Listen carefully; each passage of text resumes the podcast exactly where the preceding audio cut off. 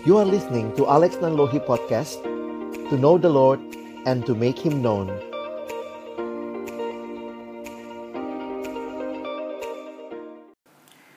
Bapa di dalam surga kami akan membuka firman-Mu, bukalah juga hati kami.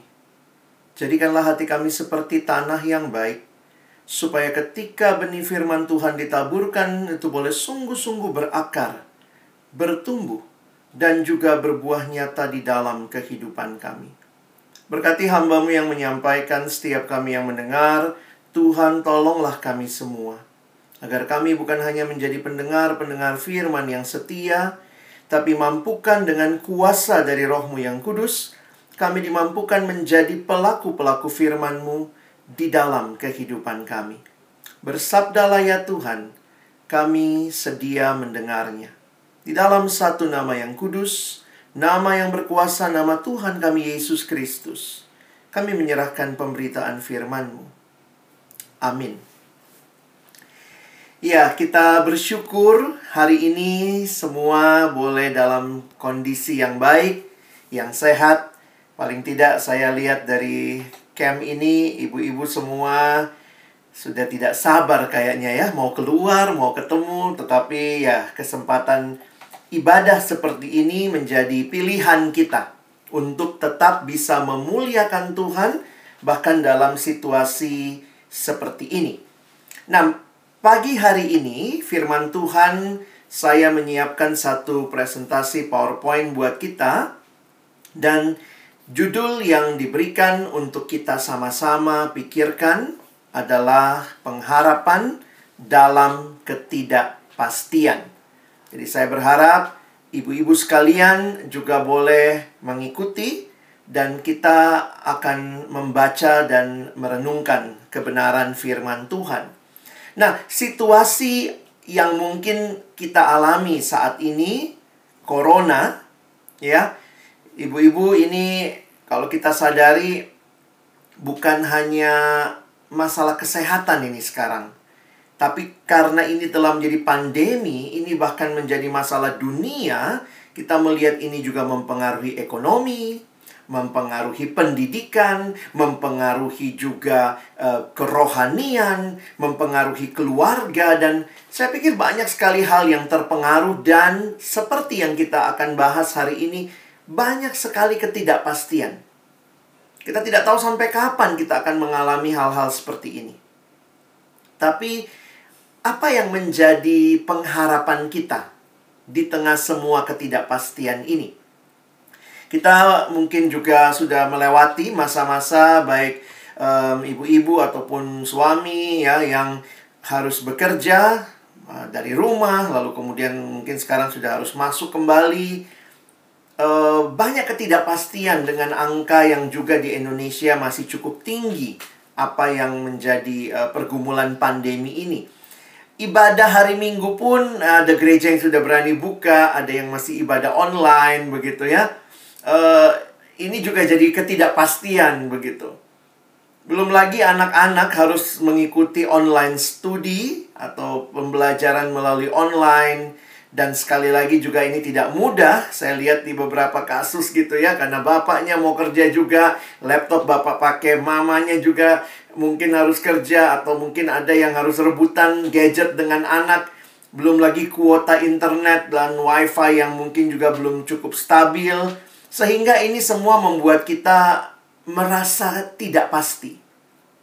Pergumulan-pergumulan hidup yang terjadi dalam empat bulan ini paling tidak membuat kita menyadari bahwa betapa banyaknya hal yang kita sebagai manusia tidak bisa kontrol. Kita masuk dalam new normal sekarang.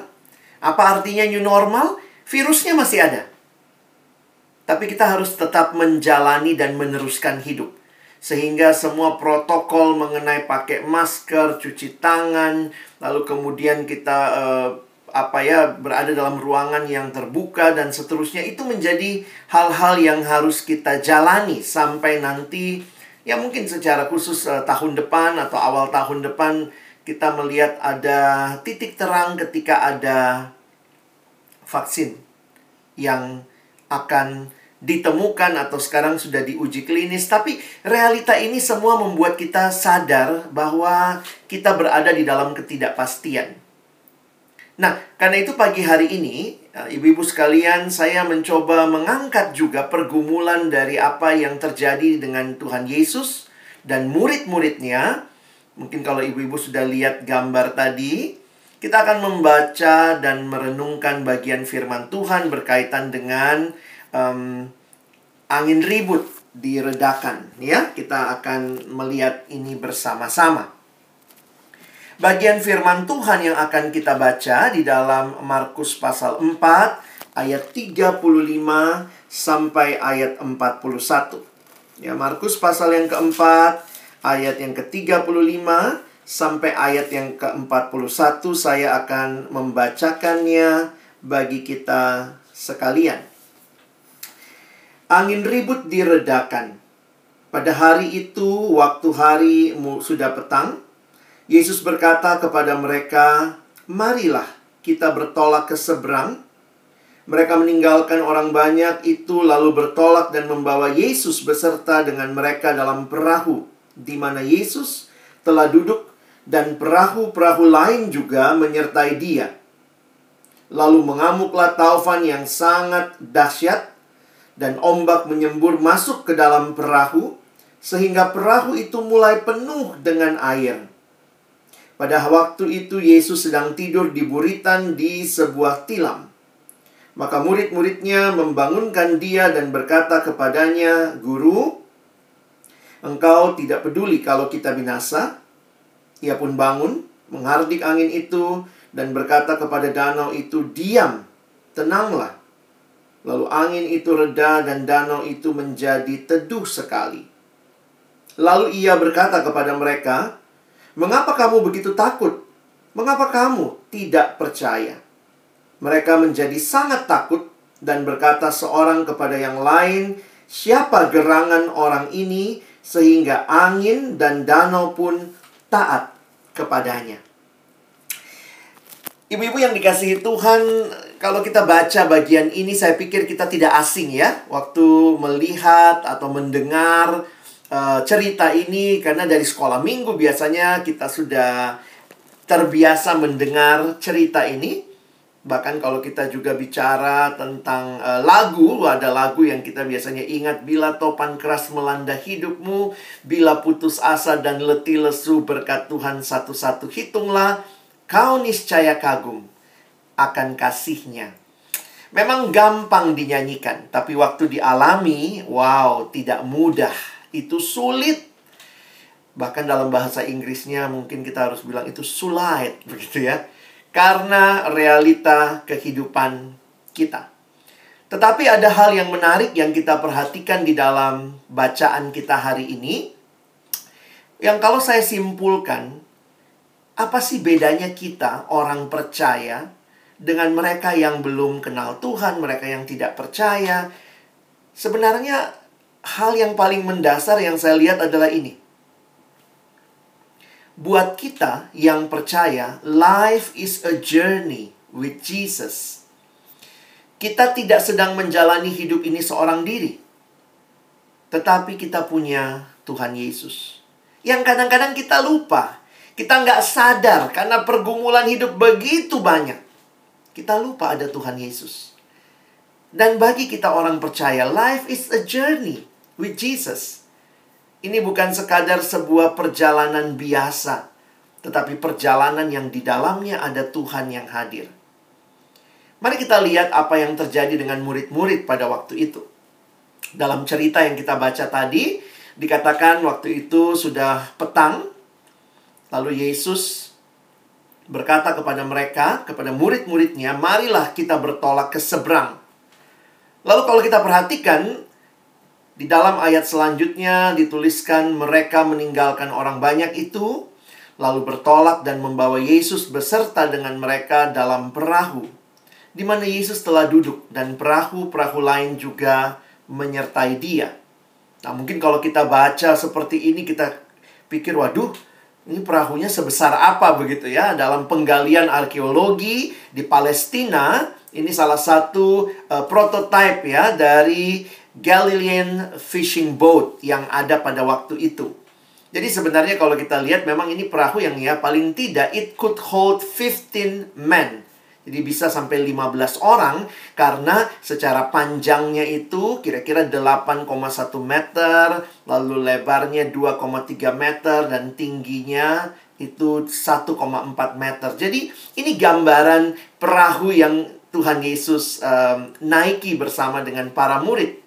Dan ini bukan perahu motor, ini perahu layar. Pada waktu itu belum ada uh, motor ya yang ditemukan.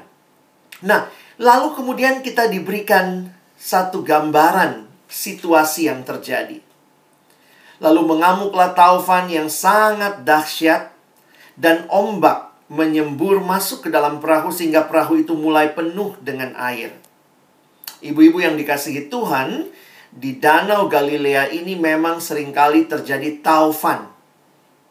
Karena secara geografis dalam penyelidikan dilihat bahwa memang katanya permukaan Danau Galilea itu lebih rendah dari permukaan laut begitu ya sehingga katanya dari sisi apa itu anginnya lah segala macam tekanan angin sehingga ini bukan kali pertama terjadi taufan ini taufan tetapi kalimat Alkitab ada penekanan. Bukan cuma taufan biasa tetapi taufan yang sangat dahsyat.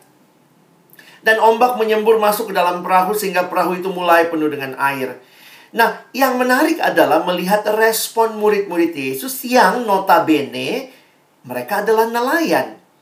Mereka nelayan di Danau Galilea, berarti bukan kali pertama mereka mengalami taufan. Karena kita tahu bahwa pada waktu itu sering terjadi taufan di Danau Galilea.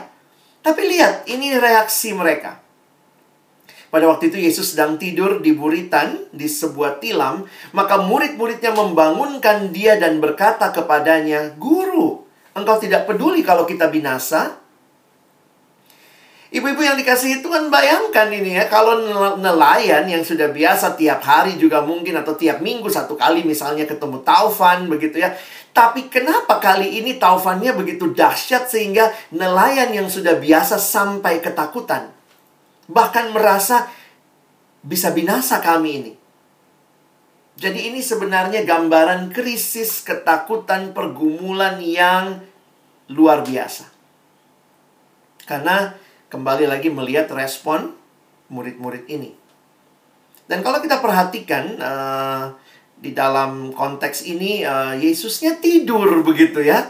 Wah ini menarik untuk kita perhatikan. Kenapa Yesus tidur di buritan? Nah di buritan itu di mana? Ini kalau terjemahan Alkitab sederhana Indonesia mengatakan uh, buritan itu kan di bagian belakang perahu. Dengan kepala di atas bantal. Dan ini menarik ya untuk kita perhatikan. Nanti saya coba memberikan uh, satu satu pemahaman yang menarik waktu kita perhatikan tentang kenapa Yesus tidur begitu ya. Lalu karena dibangunkan murid-muridnya, mereka takut binasa. Ini sekali lagi nelayan yang notabene sudah biasa di danau yang sering kali angin taufan. Maka kemudian Alkitab mencatat Yesus pun bangun, menghardik angin itu dan berkata kepada danau itu, Diam, tenanglah. Lalu angin itu reda dan danau itu menjadi teduh sekali um, ibu-ibu yang dikasihi Tuhan tentu ini mujizat luar biasa buat para murid ya. Kaget mereka sehingga lihat respon mereka di ayat 40. Lalu ia berkata kepada mereka, oh Yesus tanya dulu gitu ya, mengapa kamu begitu takut? Mengapa kamu tidak percaya? Lalu kemudian respon mereka di ayat 41, um, mereka menjadi sangat takut dan berkata seorang kepada yang lain, "Siapa gerangan orang ini sehingga angin dan danau pun taat kepadanya?" Nah, ibu-ibu yang dikasihi Tuhan, apa yang bisa kita pahami dari pergumulan yang dialami para murid? Pertama, ini pergumulan yang tidak biasa. Mereka biasa alami topan, tapi kali ini Alkitab sendiri mencatat ini taufannya sangat dahsyat bahkan sudah masuk ke dalam perahu dan murid-murid yang adalah nelayan ini takut binasa. Jadi sekali lagi pergumulan ini adalah pergumulan yang tidak biasa, pergumulan yang luar biasa, pergumulan yang menakutkan, mengerikan penuh dengan ketidakpastian. Dan apa yang menjadi respon orang di dalam pergumulan waktu mengalami seperti ini? Kalau ibu-ibu coba lihat tadi ada ayatnya ya. Ini menarik nih kalau kita perhatikan. Pertanyaan murid kepada Yesus. Saya balik sedikit ya slide-nya ya. Coba kita lihat. Apakah juga ini yang biasa jadi respon kita? Guru, engkau tidak peduli kalau, kalau kita binasa. Orang kalau mengalami pergumulan berat, salah satu responnya bisa ini, ibu-ibu ya. Tuhan kayaknya nggak sayang sama aku. Kenapa? Tuhan nggak peduli dengan kami. Kita mulai meragukan dan mempertanyakan kasih Tuhan. Kita mulai meragukan dan mempertanyakan kebaikan Tuhan. Dan ini respon yang murid-murid juga sampaikan. Karena waktu mereka lihat, loh kok Yesusnya malah tidur? Tuhan, engkau tidak peduli. Guru, engkau tidak peduli kalau kita binasa.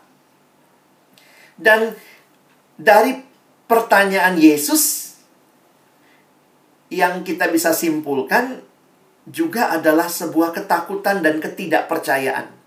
Jadi kalau tadi merasa Tuhan tidak peduli, Tuhan tidak sayang sama saya, itu biasanya respon yang wajar sekali dari manusia yang mengalami pergumulan hidup yang berat. Lalu yang kedua, mulai mencurigai Tuhan. Ini nggak percaya kayaknya Tuhan ini kurang bagus jadi Tuhan. Bagusan saya yang jadi Tuhan. Kalau saya yang jadi Tuhan, saya atur hidup saya begini, saya atur hidup saya begini. Lalu kemudian dari hati yang tidak percaya kepada Tuhan, kalimat ini bagi saya Tuhan Yesus menanyakan kalimat yang sangat tepat. Mengapa kamu begitu takut? Kamu takut karena kamu tidak percaya. Ibu-ibu yang dikasihi Tuhan, berjalan bersama Tuhan di dalam kehidupan ternyata bukanlah kehidupan yang tanpa masalah. Ada Tuhan, ada. Dia ada di dalam pergumulan, di dalam badai, ada. Tetapi kenapa dia tidur? Seorang penafsir Alkitab memberikan pemahaman yang menarik tentang tidurnya Yesus. Dia mengatakan tidurnya Yesus di dalam bagian ini bukan menunjukkan bahwa dia tidak peduli. Tetapi sebenarnya Yesus ingin memberikan teladan seperti apa seharusnya sikap orang yang percaya di dalam badai hidup. Bisa tenang, bahkan bisa tidur, gitu ya. Karena memang realita ya kalau pergumulan hidup itu kita jadi nggak bisa tidur lah, nggak bisa berserah, selalu kemudian terus dipikirin, lama-lama pikiran sakit, lama-lama tubuh sakit, asam lambung naik, mulai deg-degan, akhirnya masuk IGD deh gitu ya. Karena akhirnya kita merasa, aduh Tuhan saya nggak bisa mengontrol segala sesuatu ini. Dan hidup yang tidak pasti itu tidak enak. Karena itu kita butuh untuk melihat apa yang pasti di tengah hidup yang tidak pasti. Dan apa sih yang pasti di tengah hidup yang tidak pasti ini? Adalah kepastian akan kehadiran Allah. Kepastian akan kehadiran Allah yang tidak pernah meninggalkan kita. Dan bahkan Allah memberikan kepada kita ketenangan. Sebagaimana yang ditunjukkan dengan sikap Yesus Badai begitu kencang. Tapi dia percaya, dia tenang karena dia tahu Bapaknya hadir dan memelihara. Sehingga waktu berjalan bersama Tuhan Yesus, kira-kira murid-murid belajar apa ya turun dari perahu ini ya, ibu-ibu ya? Karena kan nggak pasti nih, wah alami pergumulan. Kira-kira murid-murid belajar apa? Bagi saya perjalanan bersama Yesus itu mengajarkan kita tentang dirinya. Siapa dia? Paling tidak dari Markus ini kita bisa melihat dari Markus 5 ayat 35 ini sampai 41 kita bisa melihat bahwa Yesus yang mereka ikuti, Yesus yang bersama dengan mereka adalah Yesus yang berkuasa atas alam. Atas angin ribut, dia dia Allah yang lebih berkuasa daripada alam. Banyak agama-agama kuno, agama-agama kafir, banyak animisme-animisme melihat alam itu luar biasa. Tapi kadang-kadang kita juga begitu ya. Ada pohon tertentu lah yang dianggap keramat lah. Ada yang dianggap apa, lalu kemudian takut lah kalau di rumah dinas kita ada pohon itulah, nanti gimana, nanti ada yang sakit. Kadang-kadang kita jadi lupa bahwa Yesus kita, dia berkuasa atas alam. Dia lebih berkuasa dari alam. Lalu kalau Bapak eh, Ibu-ibu lihat lebih jauh di dalam bagian selanjutnya di dalam Injil Markus, sebenarnya ini ceritanya berunut gitu ya, berentetan gitu. Waktu saya pelajari nanti coba baca lagi Markus pasal 5, Markus 4 sama Markus 5 ini seolah-olah penulis kitab Markus ingin memberikan perjalanan Yesus yang begitu luar biasa dan menunjukkan ini Yesus ini nih beda banget loh sama yang lainnya. Karena kemudian di Markus pasal 5 di ayat 1 sampai ayat yang ke-20, ketika Yesus sampai di seberang, dia bertemu dengan orang yang keras, kerasukan setan. Kira-kira muridnya berjalan sama Yesus belajar apa? Setelah Yesus mengusir setan-setan itu dari orang ini, lalu masuk ke babi itu ya, kalau kita ingat ceritanya, saya yakin mereka akan belajar. Yesus itu bukan hanya berkuasa atas alam, tapi juga dia berkuasa atas setan. Tidak ada kuasa yang melebihi kuasa dia. Jadi waktu saya renungkan bagian ini ya, banyak hal yang nggak pasti dalam dunia ini alam nggak bersahabat lah. Untuk ibu-ibu mungkin yang ada di daerah-daerah gempa begitu ya. Kadang-kadang kita juga ketakutan karena alamnya kayaknya bagaimana. Lalu kemudian kayaknya kita nggak bisa tenang karena alam bergejolak begitu ya. Lalu kemudian mungkin dengan kuasa-kuasa setan yang juga kita alami ketika kita mau hidup dalam Tuhan mungkin di rumah di tempat kita harus berdinas dan seterusnya. Ada kuasa-kuasa gelap yang mau menggoda kita. Belum lagi mungkin sesuatu yang dipelihara oleh keluarga karena ada keterikatan kepada kuasa kuasa-kuasa okultisme, tapi kita meyakini sebenarnya cerita-cerita ini mau menunjukkan kepada kita. Jesus is more powerful than the evil forces, lebih berkuasa daripada setan. Lalu kemudian kita nanti melihat lanjutan ceritanya menarik ini, seorang perempuan yang pendarahan 12 tahun Orang yang pendarahan 12 tahun bagi orang Yahudi, bagi orang Israel nggak mudah ibu-ibu sekalian. Karena dia pasti tidak boleh masuk beribadah. Karena buat orang Israel itu ibadah itu perempuan harus tidak boleh sedang pendarahan. Dan akhirnya dia bukan hanya ter, tersingkir secara kehidupan agama, tapi juga ini kehidupan sosial pasti ya. Jadi ini bukan cuma masalah penyakit, tetapi masalah eksistensi diri dan melalui cerita ini kita melihat Yesus mengafirmasi, Yesus menyembuhkan. Sebenarnya waktu perempuan ini pegang jubah Yesus, dia udah sembuh. Harusnya nggak usah apa-apa ya, tapi Yesus kemudian siapa yang menyentuh aku? Lalu muridnya bilang, ini orang begini banyak, nanya lagi siapa yang menyentuh. Tetapi ketika Yesus terus insist, siapa yang menyentuh? Aku merasakan ada kuasa yang keluar dari diriku. Lalu perempuan yang sudah sembuh itu maju ke depan. Tersungkur dan dia mengakui, Sebenarnya ini apa? Karena Yesus bukan hanya mau perempuan ini disembuhkan, tetapi dia mau semua masyarakat yang melihat perempuan ini akan melihat bahwa dia tidak lagi pendarahan. Jadi ini satu apa ya Yesus berkuasa begitu ya atas penyakit ya atas pergumulan sosial kehidupan kita Kadang-kadang gitu ya kita nggak dipandang lah. Ada saatnya mungkin dalam dalam jabatan suami atau dalam pergumulan kita rasanya kayak disepelekan. Orang lain nggak peduli dengan kita. Yang dulu bawahan tahun jadi atasan kita. Lalu kemudian jadi nggak enak dan seterusnya. Yesus berkuasa. Lebih daripada sekadar struktur di kantor begitu ya. Dia pun berkuasa atas penyakit. Makasih tadi Ibu Lucia kasih kesaksian yang indah apa yang terjadi dengan kehidupan Bapak ya, Pak Wijoyo bahwa Tuhan memberikan pemulihan dan percaya itu kuasa Allah yang bekerja melalui para dokter yang Tuhan pakai. Dia berkuasa. Dan cerita yang terakhir yang kalau ibu-ibu lanjut ke Markus 5 ini, itu Yesus membangkitkan. Ya, dituliskan itu Yesus membangkitkan anak Yairus jadi akhirnya di sini kita melihat bahwa Yesus ini berkuasa bahkan atas kematian. Jadi perjalanan hidup bersama Yesus ini bukan perjalanan yang mudah dan tanpa masalah. Ini kalau saya coba lihat cerita tadi ya. Berarti hidup berjalan bersama Yesus ada badai nggak? Ada, ibu-ibu ada. Dan dalam badai itu eh, sebelum ditenangkan kan tetap aja mm, tidak pasti ya dalam kehidupan ada kuasa-kuasa iblis? Ada. Dan itu juga bisa membuat kita merasa tidak pasti. Dalam kehidupan ada kuasa penyakit, ada pergumulan sosial dalam kehidupan. Jadi bukan berarti kalau saya anak Tuhan maka tidak ada hidup hidup tanpa pergumulan. Tidak.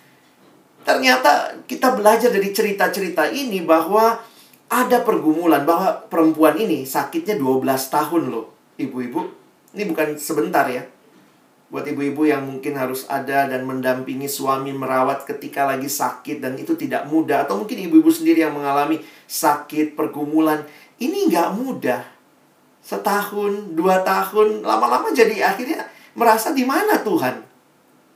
Tetapi cerita-cerita ini mau menunjukkan bahwa dia ada dan dia berkuasa dan bahkan atas kematian Sehingga ibu-ibu yang dikasihi Tuhan, kesimpulan saya adalah perjalanan bersama Yesus itu indah. Bukan karena nggak ada pergumulannya. Tapi karena Yesus kita adalah Yesus yang berkuasa atas segalanya. Melebihi semua hal. Kalau ibu-ibu minta hidup yang tanpa pergumulan, mungkin nggak ada hidup kayak gitu ya. Habis pandemi ini apakah nanti kita akan tidak punya pergumulan lagi? Sebelum pandemi aja ada pergumulan cuma pas pandemi ini karena semua dunia ngalamin pergumulan, jadi kayaknya pergumulannya sedunia gitu ya. Tapi nanti habis pandemi, masih ada pergumulan anak lah, pergumulan e, menantu lah, pergumulan e, studi lanjut anak kah, pergumulan bagaimana bagaimana kita menata, mempersiapkan masa pensiun lah. Pergumulan tuh ada. Dan Tuhan tidak pernah janji hidup tanpa pergumulan. Ketidakpastian itu sebenarnya bagi saya setelah saya pelajari ya Tuhan izinkan loh ketidakpastian. Supaya kita tahu yang pasti itu cuma Tuhan Yesus. Kadang-kadang kita mau hidup yang semuanya pasti. Jangan-jangan kalau hidup semuanya pasti, kita nggak butuh Tuhan lagi. Karena kita Tuhannya, kan udah pasti semua. Saya tahu anak saya ke mana, saya tahu nanti berapa cucu saya, saya tahu menantu saya bagaimana, saya tahu nanti jabatan suami saya bagaimana.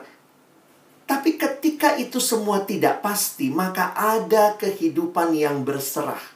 Ada kehidupan yang memohon, Tuhan hadirlah. Ada doa-doa yang tulus dinaikkan. Kalau semua pasti, jangan-jangan kita nggak usah berdoa lagi. Karena udah pasti semua. Sehingga saya kutip kalimat dari seorang penginjil muda bernama David Platt. Dia mengatakan, Who you say Jesus is will determine about how you follow him.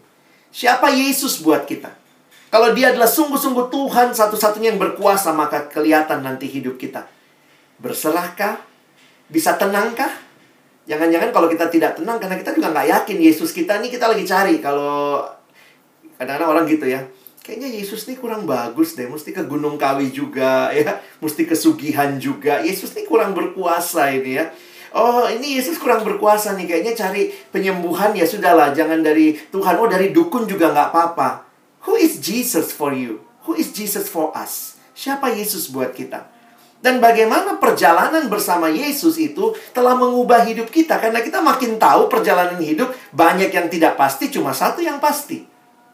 Apakah kita makin percaya sama Yesus? Makin lalui pergumulan, makin yakin, yes, cuma Yesus. Lewati lagi, yes, cuma Yesus. Jadi bagi saya inilah pengharapannya. Pengharapan bukan dari manusia, bukan dari dunia, tapi dari Allah kehadiran Allah dalam hidup kita itu cukup menenangkan kita. Yesaya 2 ayat 22 menuliskan jangan berharap pada manusia sebab ia tidak lebih daripada hembusan nafas dan sebagai apakah ia dapat dianggap. Dan hari ini kita belajar Yesus adalah pengharapan sejati.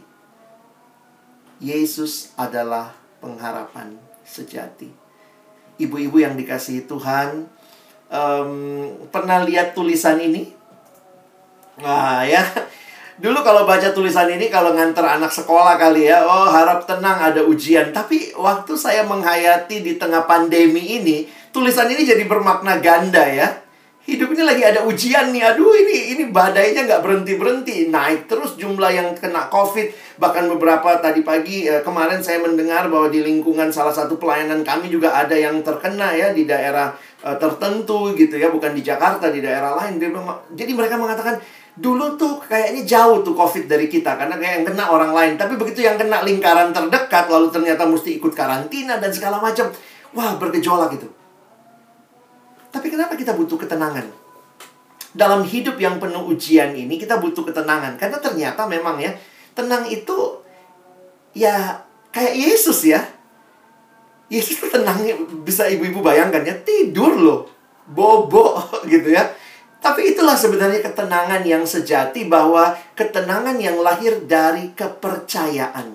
Dia percaya betul Allah ada dan mengendalikan situasi. Bukan kita yang bisa kendalikan situasi.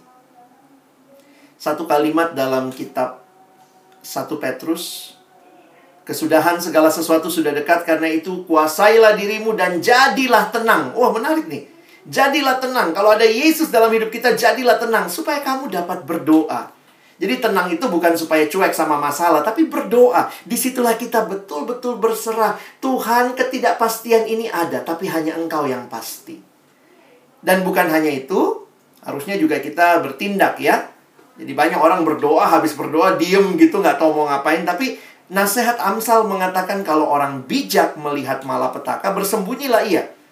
Jadi ya jangan jangan oh saya dalam nama Yesus mana corona mana corona saya datang ke tempat-tempat ke mall-mall pokoknya saya nggak peduli padahal umur udah makin tua begitu ya oh saya punya Yesus harus bijak juga gitu ya kalau orang bijak melihat malapetaka bersembunyilah ia itu kata Amsal tetapi orang yang tak berpengalaman atau ini orang yang yang cuek yang bodoh berjalan terus lalu kena celaka ya jadi menghadapi ketidakpastian kita bisa tenang bisa kalau ada Yesus. Dan setelah tenang apa yang terjadi? Kita bisa berdoa dan dengan tenang kita bisa bertindak dengan penuh hikmat. Jadi saya harap ibu-ibu kalau apa pun pergumulan hidup waktu tidak pasti itu kita berserah sama Tuhan, mari berdoa dan juga bertindak dengan penuh hikmat. Ada kalimat yang mengatakan begini, kadang-kadang yang Tuhan tenangkan badainya. Nah ini kalimatnya dalam bahasa Inggris ya. Makanya kita mesti berhikmat, mesti lihat nih situasi ini gimana nih. Sometimes God calms the storm. Kadang-kadang yang Tuhan tenangkan badainya. Di, di, di situasi yang lain, karena Tuhan bekerjanya tidak tidak selamanya sama untuk setiap situasi. Ada situasi yang Tuhan tenangkan bukan badainya, tapi yang di tengah badainya.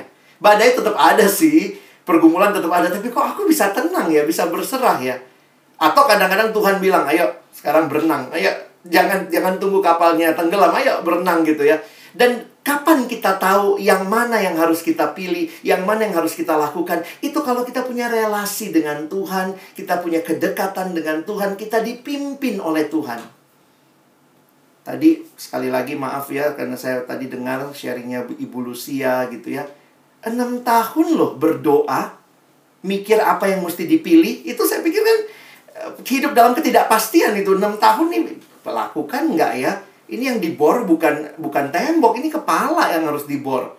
Nggak gampang. Tapi ketika akhirnya memutuskan, saya pikir Tuhan memimpin ya. Mungkin dapat konfirmasi, lalu mungkin ada yang juga sudah pernah mengalami hal yang sama, sharing, mungkin didengar, lalu kemudian banyak cara dan tidak setiap kali sama. Mungkin ketika ibu-ibu tertentu suami alami pergumulan untuk keluarga ini Tuhan bilang ya kalau kamu badainya tetap ada ya, tapi kamu saya kasih ketenangan gitu ya. Kalau keluarga ini kayaknya uh, oke okay deh uh, berenang ya, ayo keluar dari perahu misalnya begitu ya. Kita nggak tahu, tapi yang pasti adalah sadari Tuhan hadir, Tuhan ada. Karena itu berharap itu saya kutip kalimat seorang bernama Paul David Tripp. Berharap adalah gaya hidup. Jadi kalau berharap itu gaya hidup maksudnya begini, jangan kalau lagi ada masalah baru cari Tuhan. Jangan kalau ada masalah baru Tuhan mana, Tuhan mana. Sebenarnya dalam susah, dalam senang harusnya kita tetap mengingat Tuhan. Ada kalimat ini, harapan kita itu membentuk cara hidup kita. Harapanlah yang menyebabkan kita membuat keputusan-keputusan yang kita ambil. Nah, kurangnya harapan membuat kita merasa mandek dan hidup tanpa motivasi. Karena itu, firman Tuhan hari ini mengingatkan, alami Tuhan dalam hidup ibu-ibu sekalian, di tengah badai, di tengah ketidakpastian, ingat ada yang pasti, Yesus yang hadir. Pengharapan kita bukan tanpa masalah, bukan semuanya selesai. Pengharapan kita adalah kehadiran Tuhan di hidup kita. Saya tutup dengan kutipan berikut. Memang ini dalam bahasa Inggris ya supaya bagus terdengarnya. When you run alone, it's called race. But when God runs with you, it's called grace. Ketika Tuhan bersama dengan kita, itulah anugerahnya. Kiranya Tuhan menolong kita, ibu-ibu, mungkin ada yang sedang alami pergumulan. Ini kan sedunia lagi bergumul juga ya. Tapi apa yang hari ini firman Tuhan ingatkan biarlah menyegarkan hati kita kembali. Tuhan memberkati kita. Kita ambil waktu untuk uh, bertanya jawab ya.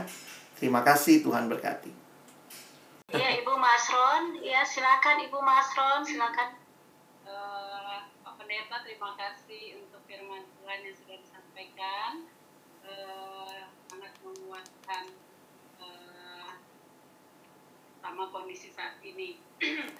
uh, memang firman Tuhan itu begitu kuat ya sebenarnya uh, mengajar kita ya uh, untuk tidak takut dan tetap yakin bahwa Tuhan bersama kita. Namun uh, tidak bisa dipungkiri juga sebagai manusia biasa, kadang-kadang rasa khawatir itu tetap ada gitu. Uh, apakah kalau kita ada rasa khawatir itu dosa atau kira-kira rasa khawatir seperti apa yang uh, itu itu sudah jadi dosa seperti itu kira-kira Pak Pendeta itu aja. Baik, Bu Masron, terima kasih. Saya langsung jawab atau tunggu tiga pertanyaan dulu? Boleh Pak Pendeta dijawab satu-satu Saya, aja dulu. Oh iya. Oke, terima kasih Pak. Ada hal yang menarik waktu kemarin saya coba uh, menggali beberapa hal dalam pemahaman firman Tuhan. Ternyata di Alkitab itu ada ada dua istilah yang menarik. Yang satu namanya bersungut-sungut, yang satu namanya berkeluh kesah um, dua-duanya ini kelihatannya seperti sama ya. Atau mungkin kalau saya pakai bahasa Ibu Masron tadi, kita ngalami khawatir. Khawatir itu kan kayak, aduh ini gimana nih, ini gimana nih ya. Nah, tetapi apa yang paling membedakan? Atau dari titik mana kita sudah bisa bilang ini kayaknya sudah dosa gitu ya.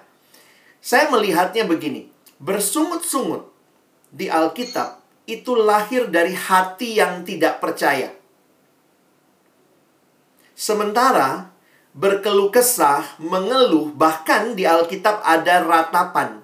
Jadi ternyata di dalam Alkitab kita ada kitab ratapan itu ada di tengah Alkitab kita. Seolah-olah jadi kayak satu peringatan bahwa kita boleh meratap. Itu meratap itu begini didasari pada hati yang percaya kepada Tuhan, karena itu dia meratapnya ke Tuhan.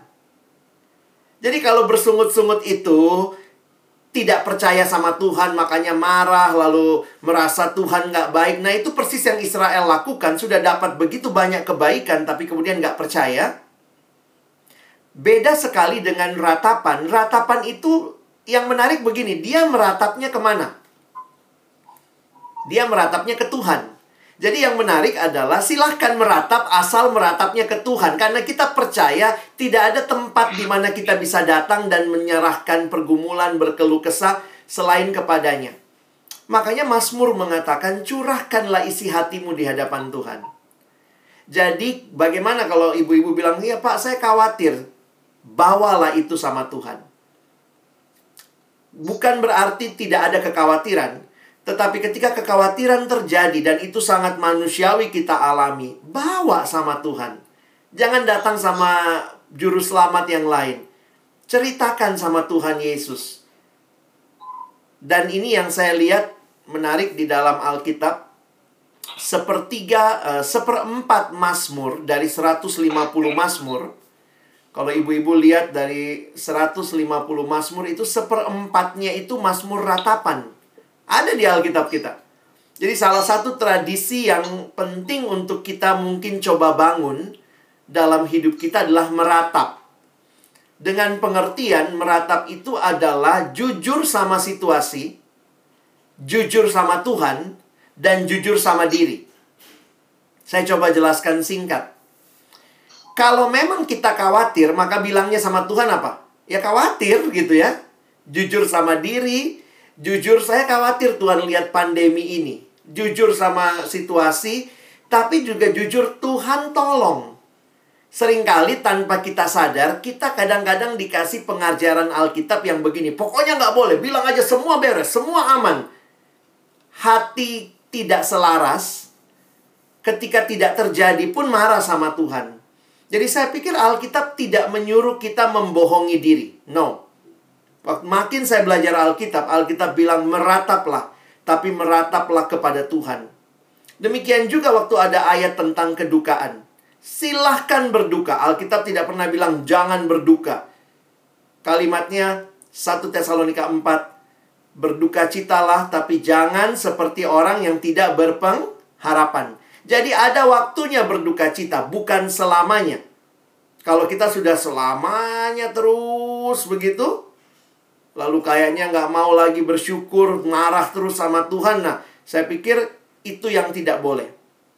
Yang seharusnya adalah ketika kita mengalami kedukaan, kita berduka cita, tapi kemudian kita bangkit lagi, melihat kepada Allah dan Tuhan menolong kita lewati pergumulan hidup. Ada satu ayat di kitab Mazmur yang saya juga sampai hari ini terus melihat kenapa ya ada ayat kayak begitu ya. Paling tidak akhirnya saya sadari ayat itu menolong kita untuk jujur sama Tuhan dan berserah sama Tuhan. Ayatnya kira-kira begini. Waktu aku ini takut, aku percaya kepada Tuhan. Menarik ya. Ayat ini nggak bilang begini, aku nggak takut, aku nggak takut. Tapi dia mengatakan, waktu aku ini takut, aku lagi takut Tuhan. Aku percaya kepadamu. Jadi, jujur dengan situasi, hati yang percaya, lewati pergumulan dan bangkit, bagi saya itulah yang namanya kekhawatiran yang tidak membuat kita jatuh dalam dosa. Terima kasih, Ibu. Baik. Ada pertanyaan yang lain? Pertanyaan kedua, silakan ibu-ibu yang ingin bertanya.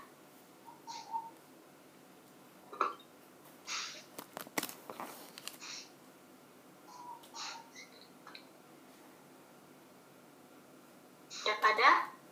Ibu Nuning, Ibu Nuning. Iya. Oh Nuni, disilakan Ibu.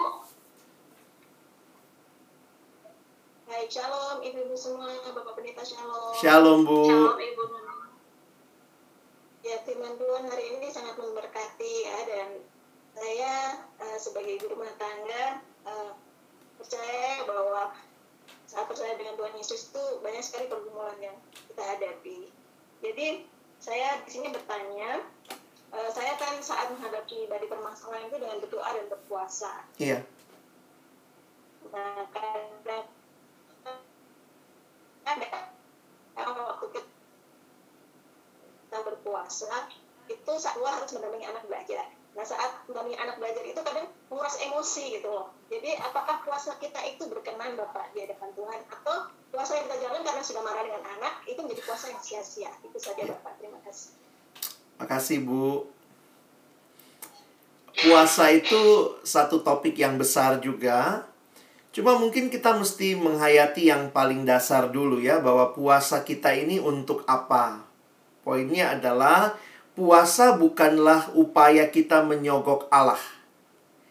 Kita tidak lagi nyogok Allah waktu saya puasa kayaknya gini, Tuhan saya lagi pengen ini nih, nih sampai saya puasa nih, sampai lapar-lapar, sampai sakit mah saya. Kalau nggak ngasih apa yang saya mau kebangetan jadi Tuhan. Seringkali kalau kita punya pola pemikiran puasa supaya Tuhan bisa disogok, Tuhan akan lebih iba sama kita. Saya pikir itu sudah terjebak. Jadi bukannya masalah apa yang terjadi waktu puasa, tapi tuh puasa dari tujuannya saja sudah tidak tepat.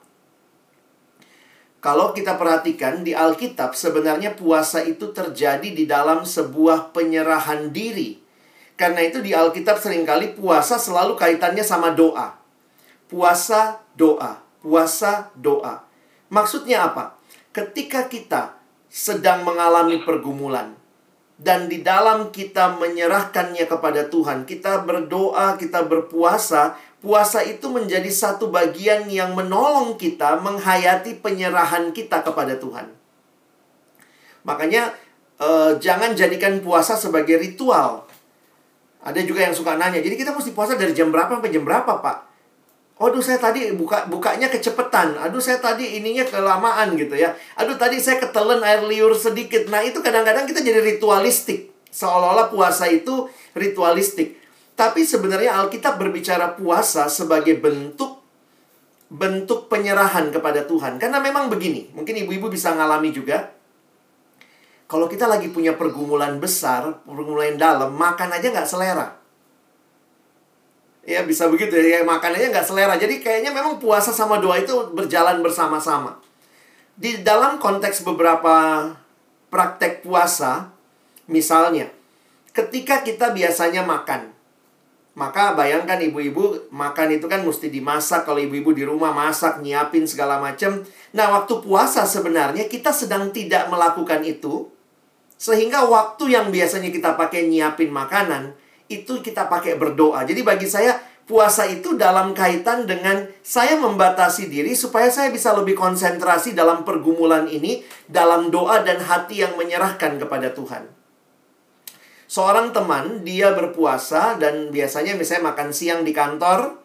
Nah waktu satu jam makan siang dia pakai untuk berdoa. Jadi dia kayak karena kan nggak nggak lagi makan ngapain nih? Ya dia pakai berdoa. Nah, sementara itu ya tentunya ya seperti yang Ibu bilang tadi, gimana Pak tiba-tiba anak bikin emosi saya marah, apakah puasa saya batal? Saya pikir sih bukan seritualistik itu cara kita melihat. Tetapi mari coba melihat bahwa uh, saya lagi berpuasa dalam penyerahan akan pergumulan ini. Kalaupun anak bikin emosi, ya mungkin kita juga sesudah itu ya doa lah minta ampun gitu ya.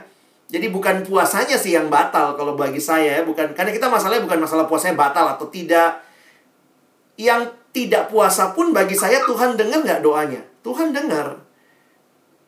Tapi dalam situasi seperti ini memang ya jaga emosi, jaga hati itu ya bukan karena lagi puasa aja harusnya setiap kali kita bisa hidup dengan uh, memelihara menjaga emosi kita di hadapan Tuhan. Jadi Uh, sekali lagi mungkin penekanan saya adalah jangan jadikan puasa sebagai ritual semata.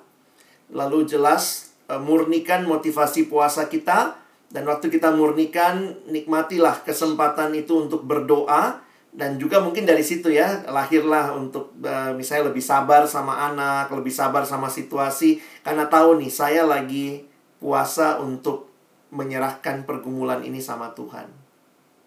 Kira-kira seperti itu, Bu.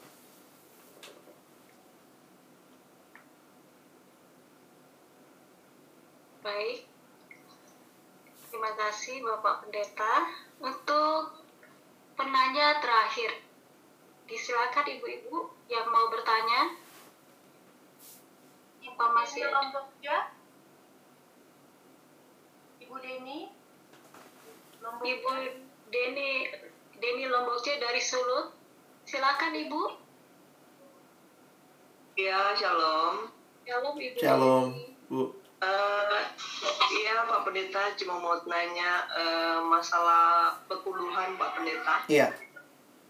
Uh, mau minta penjelasannya bagaimana Bapak hmm, menjelaskan mengenai perpuluhan. Terima kasih Pak Pendeta. Terima kasih Bu. Ya, sama lagi ya, kalau bicara perpuluhan juga ini topik besar dan ada hal yang menarik karena beberapa praktek-praktek itu ada dalam perjanjian lama dan sampai di masa Yesus pun dipraktekkan. Lalu bagaimana kita bisa melihat penggenapannya? Nah, penggenapannya bagi saya yang menarik adalah jangan melihat hal-hal seperti itu jadi ritualistik.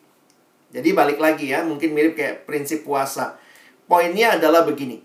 Apakah kita memberi perpuluhan supaya Tuhan memberkati kita lebih banyak.